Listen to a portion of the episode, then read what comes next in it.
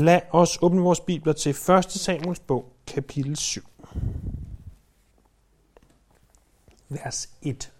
Og for de af jer, der sidder med dronningens bibel, så vil I se, at vers 1 øh, er i slutningen af øh, kapitel 6, men vi tager vers 1 i dag med os. Så hvis du ikke lige kan følge med fra starten, så er det fordi, du skal kigge i slutningen af kapitel 6 hvor der står, at mændene i Kirjat Jerim kom og hentede herrens ark. De førte den til Abinadabs hus på højen og helligede hans søn Eliezer til at vogte herrens ark. Fra den dag arken fik sin plads i Kirjat Jerim, gik der lang tid. Der gik 20 år, og hele Israels hus sukkede efter Herren. Samuel sagde da til Israels hus, hvis I vil vende tilbage til Herren af hele jeres hjerte, skal I fjerne de fremmede guder og starterne og af hjertet holde fast ved Herren og tjene ham alene, så vil han redde jer fra filistrene.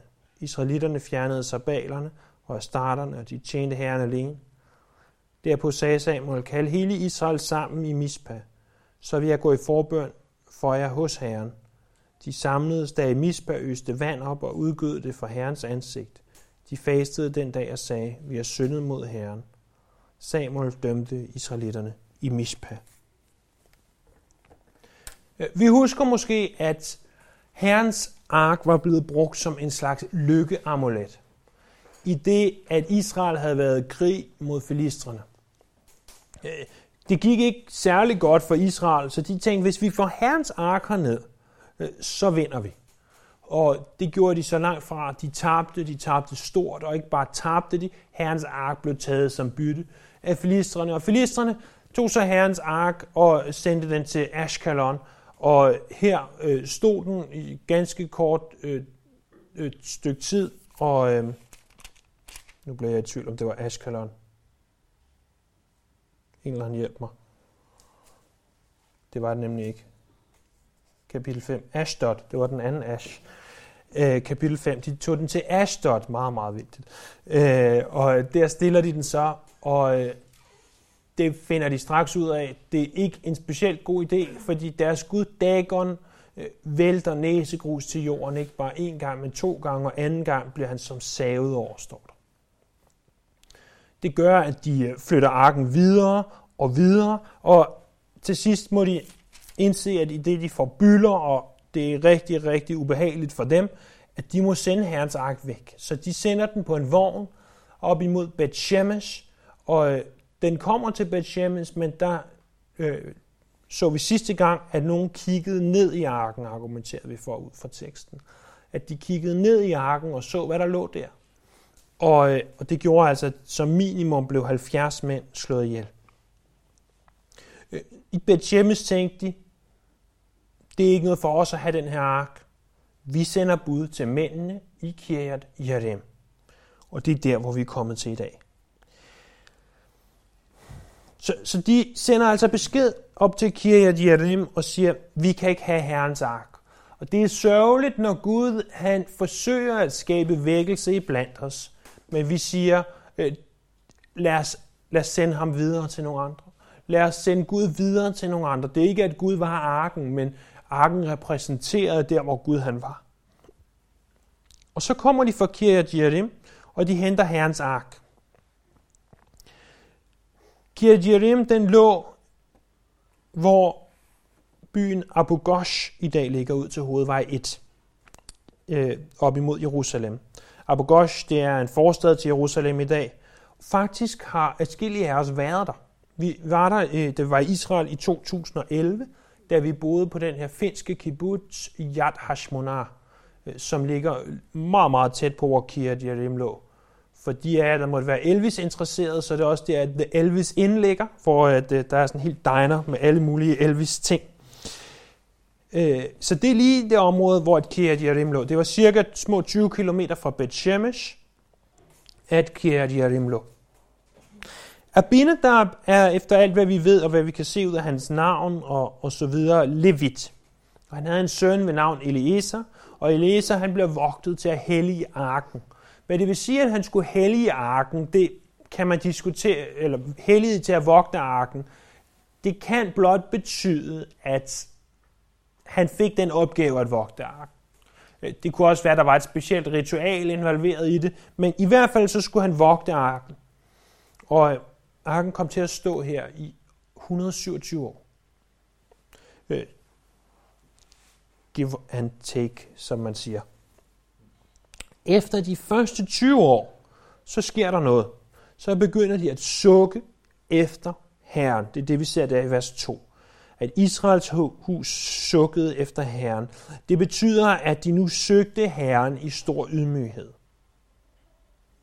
Hvis du føler dig langt væk fra Herren i dag, så håber jeg, at du vil begynde at sukke efter Herren. Og i det de sukker efter Herren, så taler Samuel til Israels hus og siger, hvis I virkelig ønsker at følge Herren, så må I gøre op med afgudstyrkelse for så vil Gud på ny give sejr over filistrene. Når vi tænker på den form for afgudstyrkelse, som, som Israel var involveret i, så kan det godt være svært for os at forstå, hvorfor at det var så svært at gøre op med. I, vores øh, vestlige øh, og kristne tankegang, som vi trods alt er opdraget med i en eller anden grad i det land, vi bor, Øh, der kan vi godt have svært ved det her med, at der er en lille statue, og så går man hen, og så bøjer man sig ned for den. Hvor svært kan det være at gøre op med det? Kan I ikke se, at det er forkert? Men når vi begynder at forstå, hvad de her afguder stod for, så forstår vi måske også mere, hvorfor det kunne være så svært at gøre op med det. Baal ser du. Han var Gud for vejret. Så det er åbenbart ham her værguden, de alle sammen taler om hele tiden. Og, og det er jo, hvad det er. Ligesom at vi i den nordiske mytologi engang havde Thor, så, så vil Baal meget svare til ham.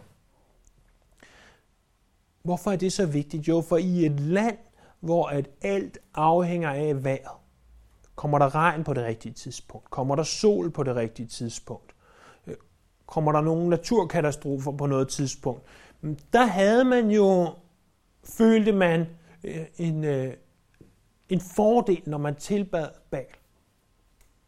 En økonomisk fordel. Så for dem var det ikke bare lige at sige, det er en grim afgud, der står i hjørnet. Vi smider ham ud. For dem var det hele, følte de. Vi ved godt, det ikke er rigtigt, men de følte, at det var hele deres livs eksistens. De følte, at hvis vi ikke tilbeder Baal, så kan jeg ikke tage mig af min familie, så kan jeg ikke forsørge min familie længere. Når vi ser det i det lys, så kan vi måske lidt bedre forstå, hvorfor de tænkte, som de tænkte. For mange af os vil også hurtigt kunne fristes til at tænke, at jeg er nødt til at have øh, øh, en sådan og sådan uddannelse, eller et sådan og sådan job, for at kunne forsørge min familie. Øh, at jeg så måtte gå på kompromis med andre ting. Måske de ting, Herren har kaldet mig til. Det bliver nødt til at være sekundært. For jeg er nødt til, og vi, vi spændes ind i, i det satans bedste øh, spind, nemlig at han lyver for os og siger, Gud kan ikke tage hånd om. Du er nødt til at klare dig selv, for som nogen har sagt, at Gud hjælper dem, der klarer sig selv, og det ved vi godt, at, at det er det er en løgn. Gud hjælper dem, der ikke kan klare sig selv. Gud hjælper dem, der er afmægtige. Gud hjælper de, der ikke kan. Der nævnes også en anden Gud. Øh, Af starterne. Øh, Astarte var frugtbarhedsgudinden. Og hvad tænker du i et samfund, hvor at dine efterkommere var din pensionsopsparing? Tror du, at det var vigtigt for dem, at få astarterne ind, at få starte ind og tilbede hende. Ganske vigtigt. De troede, at hvis vi tilbeder hende, så vil, så vil hun sørge for, at vi får afkom, altså børn, således at de børn kan tage sig af os, når vi bliver gamle. Øh, de var blevet lullet ind i, at hvis blot der er styr på pensionskontoen, så vil vi få en god alderdom. Men det er der ingen, der lover os. Det, det er ikke at starte, det er ikke pensionskontoen, der betyder, om vi får en god alderdom. Det er noget Gud suverænt bestemmer. Derudover øh, så var hun også en sexgudinde, som man tilbad ved at have sex med tempelprostitueret. Og, og igen øh, kan vi sige, åh, hvor er det tåbeligt. Men for dem at se, var det deres måde at have det sjovt på. Og, og kan vi ikke også godt finde på at sige, ikke i den grad, men sige, åh, vi har det så hårdt, har jeg ikke lov til at have det lidt sjovt? Jeg taler ikke om med prostitueret, jeg taler bare i det hele taget. Jeg, jeg har da lov til, fordi jeg har det så hårdt. Når vi ser de her to afguder i det lys, så, så kan jeg i hvert fald bedre forstå, hvorfor de havde så svært ved at gøre op med dem. De havde fået herrens ark tilbage, de havde hentet den op til Kirjat Jerim, og, og der stod den, men alligevel gik der 20 år, hvor de ikke kunne gøre op med afguderne. 20 år, hvor filistrene øh, gik ind jævnligt og plyndrede og gjorde, hvad filistre nu engang gjorde. Alt sammen, fordi de følte, vi er nødt til at tilbede de her to guder. Ellers er vores fremtid ikke sikret. Ellers ligger vi i økonomisk ruin. Men Gud lovede dem, når I stopper den afgudstyrkelse, så vil jeg give jer sejr over filistrene. Og det vælger de så at sige, det vil vi gerne. Så kalder Samuel dem sammen til Mispa. Og Mispa betyder vagtårn. Og han siger, lad os gå til Mispa, så vil jeg gå i forbøn for jer. Der står, at det er hele Israel, der samles. Jeg tror ikke, det betyder, at alle hver og en. Jeg tror, det er repræsentanter for hele Israel. Men i hvert fald så kommer de til Mispa, og Samuel han siger, jeg vil gå i forbøn for jer. Hvis du nu forestiller dig, at du i årtier havde været undertrykt af filistrene, og Gud så lover dig, når du gør op med afguderne, så vil jeg sørge for, at filistrene ikke længere er et problem.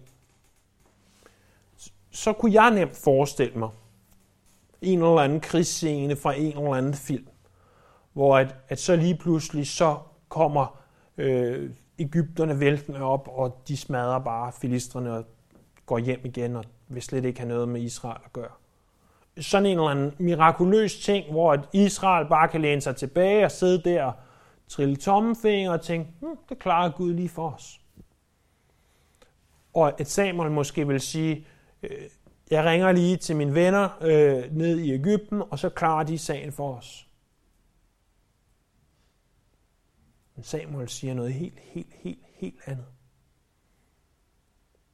Efter at de har sagt, vi vil gerne det her, vi vil gerne opgive vores afguder, vi vil gerne af med filistrene, så siger Samuel ikke, så lad os gå i krig, eller så lad os få Ægypterne til at gå i krig. Så siger Samuel, jeg vil gå i forbøn for jer. Jeg kan næsten se for mig det skuffede blik i mange af deres øjne. Forbøn. Ej, helt ærligt, øh, nu må vi slås.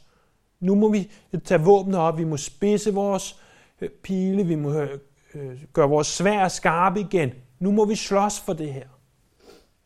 Forbøn. Helt ærligt.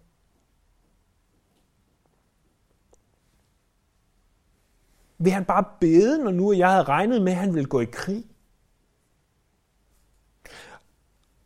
Og det er desværre mange gange vores holdning. Det er bare et bedemøde. Jeg behøver ikke komme, for det er bare et bedemøde. Eller, jeg har ikke tid, for det er jo bare bøn. Men jeg har behov for at høre det her jævnligt. Så jeg tænker, du også har behov for at høre det jævnligt. Der er ikke noget, der hedder bare et bedemøde. Der er ikke noget, der hedder bare bøn. Jeg har også fortalt den her rigtig, rigtig sørgelige beretning før, men da jeg var teenager og begyndte at brænde for Jesus, så havde jeg været vant til, når jeg kom på teenlejr, at så bad vi om morgenen sammen. Og så sagde jeg til den øh, Øh, jeg ved ikke, hvad han var, pastor, præst, eller hvad han nu var, sagde vi, når nu vi skal på lejr her om et par weekender, skal vi så ikke stå op sammen og, og, og bede sammen om morgenen? Og han sagde, nej, nej, nej, nej, vi kan slet ikke komme så tidligt op. Vi er ikke en, vi er ikke en A-menighed, altså som i dem, der står tidligt op. Vi er en B-menighed, ikke som I er B, B, E, D, E, bede, men som i at sove længe. Det, det var hans holdning til bøn, og det var så tragisk, at, at det ligesom var, var indgangsvinkel. Desværre tror jeg også tit, at, at det er min egen indgangsvinkel, og måske endda også din.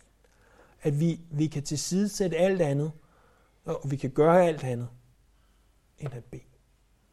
Og, og Samuel sagde, kald hele Israel sammen i Misba, så vil jeg gå i forbøn for jer hos Herren. Hvor at, at vi hurtigt kan tænke, det var da det mest nederen, ærgerlige, sure at høre, så er det i virkeligheden det mest fantastiske, som Samuel overhovedet kunne have sagt. Deres omvendelse øh, og vækkelse kan ses således, at for det første så omvendte de sig i hjertet, for det er her, det begynder. Øh, dernæst så gjorde de op med, hvad der var forkert. Det gjorde de ved at fjerne afguderne. Øh, det gjorde de ved at sige, vi vil ikke have mere med det her at gøre. Vi ved godt, det har en enorm personlig omkostning for os, men vi fjerner de her afguder. Og for det tredje, så begyndte de at gøre det, som var rigtigt. Så for det første, det skete i hjertet. For det andet, de stoppede med at gøre det, der var forkert, nemlig at tilbede afguderne. Og for det tredje, så begyndte de at gøre det, der var rigtigt. Det, der var rigtigt i det her tilfælde, var at udøse vand, og det var at faste. Det her at udøse vand er noget, vi ikke ser ret mange andre steder i Bibelen, men det er et, et billede, ligesom faste er, på deres omvendelse. Øh, det var en måde at illustrere for dem på, øh, hvad der var i deres hjerter, således at de havde altså nu behov for at omvende sig og sige, vores synd er forkert, og de bekender os højlydt, vores synd er forkert. Efter de havde gjort det, så står der, at Samuel dømte israelitterne i Mishpa. Når man bare lige læser det, så kan man godt tænke, at nu fordømmer Samuel israelitterne i Mishpa. Hvad går det ud på? Men det skal forstås på en helt anden måde. At hvis du tænker tilbage på dommerbogen, så har man dommer. Det var den måde, Israel blev reageret på. Og øhm, Samuel sætter sig nu som dommer over Israel, og det gør han fra Mispa. Det vil sige, at han, han er den, der bestemmer. Han er bindeledet mellem Gud og dem. Og han dømmer, når der er en sag, de ikke ved, hvad de skal gøre, så, så dømmer han i den sag.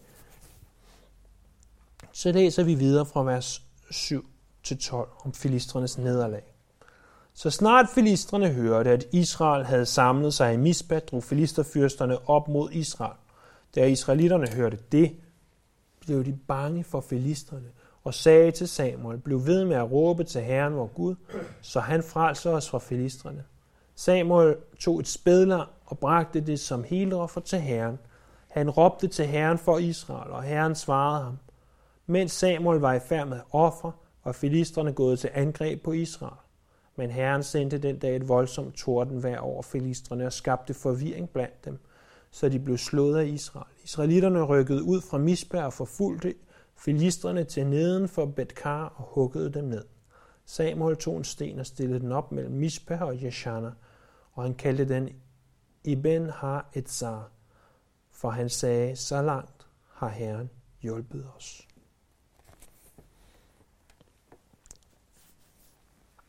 Prøv lige at huske tilbage til kapitel 4. I, kapitel 4 kæmper de først, og, og så dør nogle israelitter. Så siger de, vi bliver nødt til at have noget mere hjælp. Vi må få Herrens pagts ark herned. Da arken så kommer til dem, der ved øh, et andet sted, der hedder øh, Ibn Ha'etzar og Afek, øh, der jubler de. Siger de, der er arken. Nu får vi sejr. Men nu, de har arken. De har haft arken i 20 år hos dem. Nu da de hører, at filistrene drager op imod dem, så bliver de bange.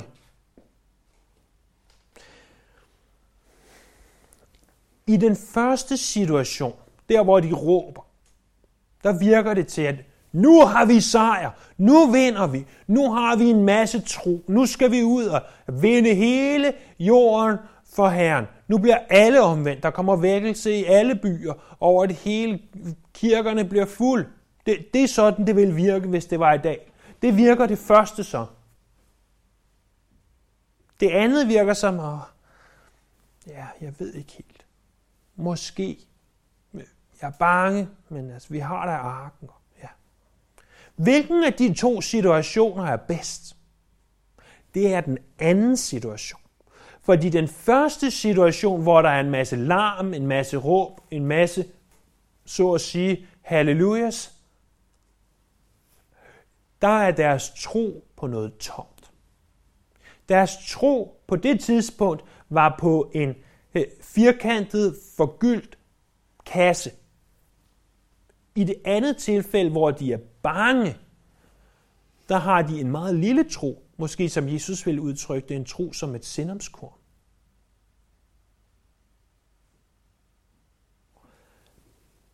Men de havde en tro. De havde en tro på noget solidt, på noget funderet, på noget rigtigt. Og jeg ved godt, at du og jeg, vi kan hurtigt føle os fordømt. At de, som virker som at have meget mere tro end os. De, som virker som om, at hold da op, hvor har den person meget tro. Men hvis den tro er på noget tomt, så kan din lille tro på det rigtige være langt, langt mere værd.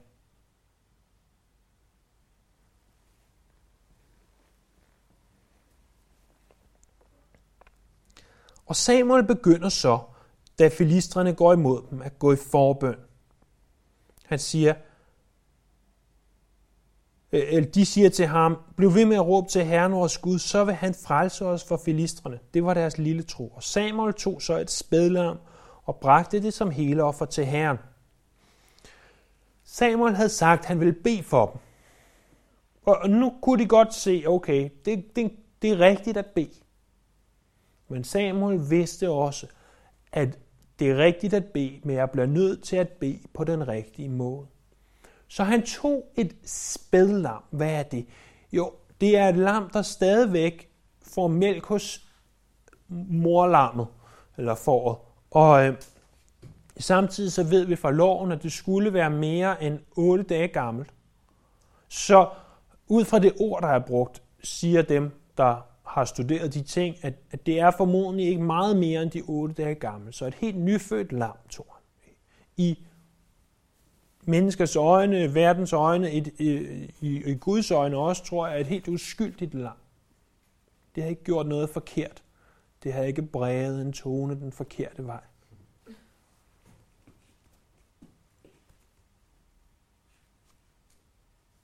skar han halsen over på det. Og så kom han det på et alter. Sat ild til det. Det gør vi andre også så tit. Måske med røde bøffer og andre ting. Fordi vi gerne vil spise det, men det var ikke det, der var tilfældet her. Han, jeg går ikke hen og skærer halsen over på en ko derhjemme, bare så I tror det. Nej, nej. Øh, han lod det brænde helt, står der. Det blev et helt offer. Det hele skulle væk. Hvorfor? For han vidste godt, at han kunne ikke bare gå til Gud, uden at der var en form for forsoning, uden at der blev banet en form for, for vej til Gud. Og den vej var igennem det slagtede spædler. Og jeg håber også, at du ved, at når vi beder til faderen, så beder vi igennem Jesus Kristus. Så beder vi ved at sige, det er igennem Jesus, at jeg overhovedet har retten til at bede faderen om noget som helst. Jeg vil ikke hænge mig i de specifikke ord, vi bruger. Men jeg vil hænge mig i, om du rent faktisk ved, at det er sådan. Hvis du ikke ved det, og tror, at du bare kan komme med en lang ønskeliste over, hvad du ønsker dig, af faderen, hmm, så, så får du det ikke. For hvis du kommer direkte, uden at tro, at du skal igennem Jesus, så, så er det ikke den rigtige rækkefølge. Du, vi er nødt til at komme til faderen igennem Jesus. Husk, jeg hænger mig ikke i, hvordan ordene du bruger, om du siger, kære Jesus eller kære far, bare du ved i dit hjerte, hvorfor det er, du kan komme til faderen.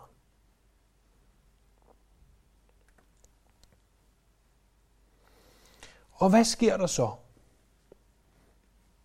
Imens at han er i gang med det her, han råbte til Herren for Israel, og Herren svarede ham, står der, vers 9. Så står der, imens han var i gang med at ofre, var filistrene gået til angreb på Israel. Baal, som jo også var, var en af filistrenes guder, var jo som sagt værgud. Vi kunne sammenligne ham fra den nordiske mytologi med Thor. Faktisk blev Baal også ofte vist med lyn i hånden. Hvorfor det er så interessant, at, at Gud han sender et tordenvejr. Han sender et tordenvejr så kraftigt, så at filistrene de tænker, det her, det kommer simpelthen ikke til at gå. Og, og det ender altså med, at israelitterne får sejr. De går ud, de kan hugge øh, filistrene ned. Så tager Samuel en sten, står der og stiller den op mellem Mishpa og Yeshana. Vi, vi ved ikke præcis, hvor det er, men det har været i det her område, som også stadigvæk er øh, i, i nærheden af, af Kiryat Jerim. Ikke voldsomt langt derfra. Han kalder den her sten Ibn Har Etzar. Det betyder så langt indtil nu, der er det Herren, der har hjulpet os. Og det tror vi også på, at han vil blive ved med. Det var det, som stedet i begyndelsen blev kaldt, og det er det, som det her sted kaldes. Øh, vi tror, at det er to forskellige steder, men at for ligesom at få en, en øh, parentes om det, så hedder stedet det samme, både i begyndelsen af det her med arken, og i slutningen af det her med arken. Og så ser vi i vers 13-17, hvordan at Samuel, han agerede som dommer. Sådan bukkede filistrene under, og de trængte ikke mere ind på israelitisk område. Så længe Samuel levede, lå Herrens hånd på filistrene. De byer, filistrene havde erobret fra Israel, lige fra Ekron til Gat, fik Israel tilbage, også øh, byernes opland befriede Israel fra filistrene. Der var fred mellem Israel og amoritterne. Samuel var dommer i Israel, så længe han levede. Hvert år drog han rundt til Betel, Gilgal og Mispa og dømte Israel alle disse steder. Så vendte han tilbage til Rama, for der boede han, og der dømte han Israel. Der byggede han et alter for Herren.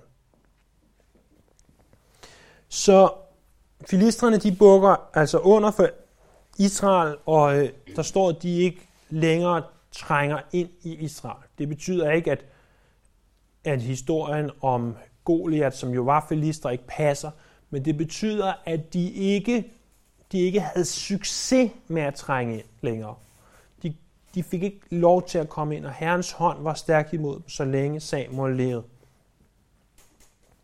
Og der står også, at de sluttede fred med amoritterne, så det vil sige, der var altså begyndt at blive fred i, i Israel på det tidspunkt. Samuel, han tog tilbage til Rama, hvor han var født, som, øh, som vi hørte om i, i kapitel 1, og, øh, og så boede han der, og derfra drog han en gang om året rundt til Betel, til Gilgal og til Misban, og, og der agerede han og fungerede som dommer.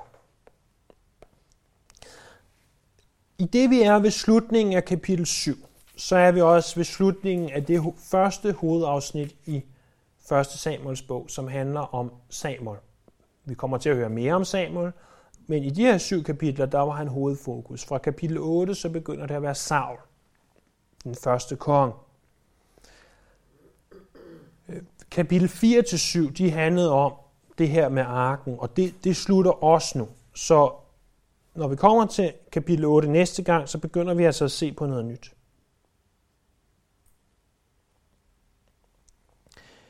Jeg synes her til slut, at det er vigtigt at bemærke, at arken stod hos dem i 20 år.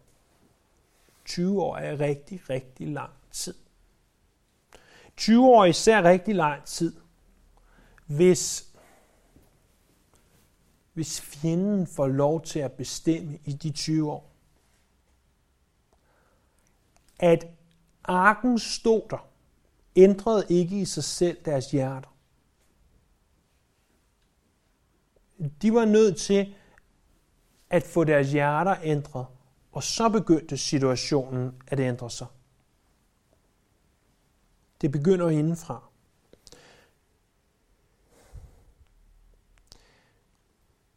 Det at, at de ydre rammer er i orden. Vi kunne godt begynde at tale om kirkebygning, eller man føler, at man var i den rigtige menighed, e-, eller hvad det nu måtte være. Alt det ændrer os ikke nødvendigvis. Når de kunne gå i 20 år og have herrens akter, og der er ikke sket noget, så, så er det alt for lang tid.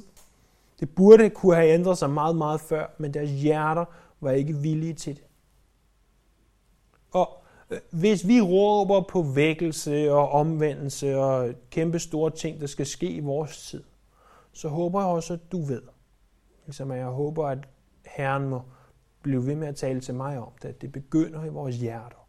Det begynder ved, at vores hjerter bliver forvandlet.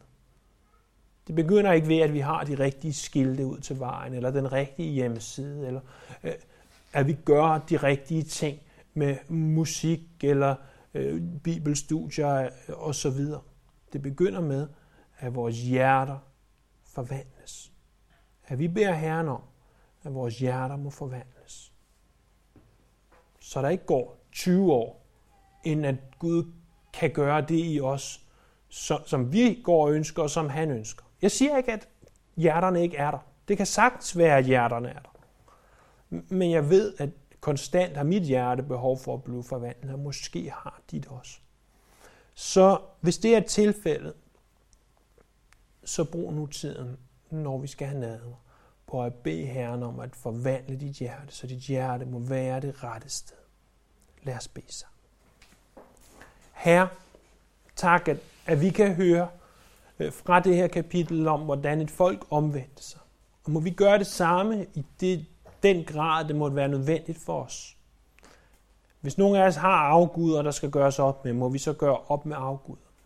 Hvis nogen af os har hjerter, der ikke er vendt imod dig i dag, så lad os vende de hjerter imod dig. Og her, selvom vores tro måske ikke er stor, så hjælp os til at udvise bare en smule tro. Også selvom vi er bange, også selvom vi ikke ved, hvad der skal ske. Det beder vi om, almægtige Jesus.